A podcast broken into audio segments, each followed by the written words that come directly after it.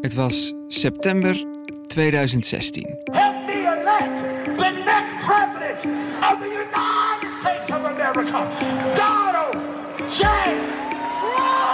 Trump. Ik was aan het reizen door het zuiden van de VS en stapte in Mississippi een kerk binnen. I think you had a backpack and you looked really cool. En daar stuitte ik op het geheime wapen van Donald Trump.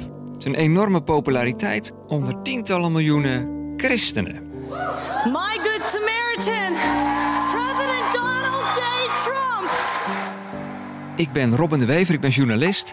En in de podcast God's President ga ik terug naar Mississippi.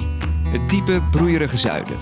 Waar de president met de hand op de Bijbel wordt geprezen. Welcome, welcome. We will come in, come in. I want to introduce Robin from the Netherlands, Robin de Wever. Robin, well, Robin, we're glad you're here, my friend. You're very welcome here. Op zoek naar een totaal andere Trump dan de Trump uit het nieuws. Trump, de reddende engel. But folks, you got to wake up. God's President. You've got to wake up because our country is slowly going away from us. Van de EO en NPO Radio 1. That's right. Vanaf 6 februari.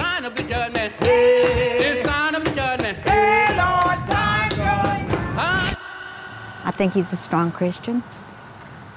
Really? Oh, yes, absolutely. Absolutely, I do.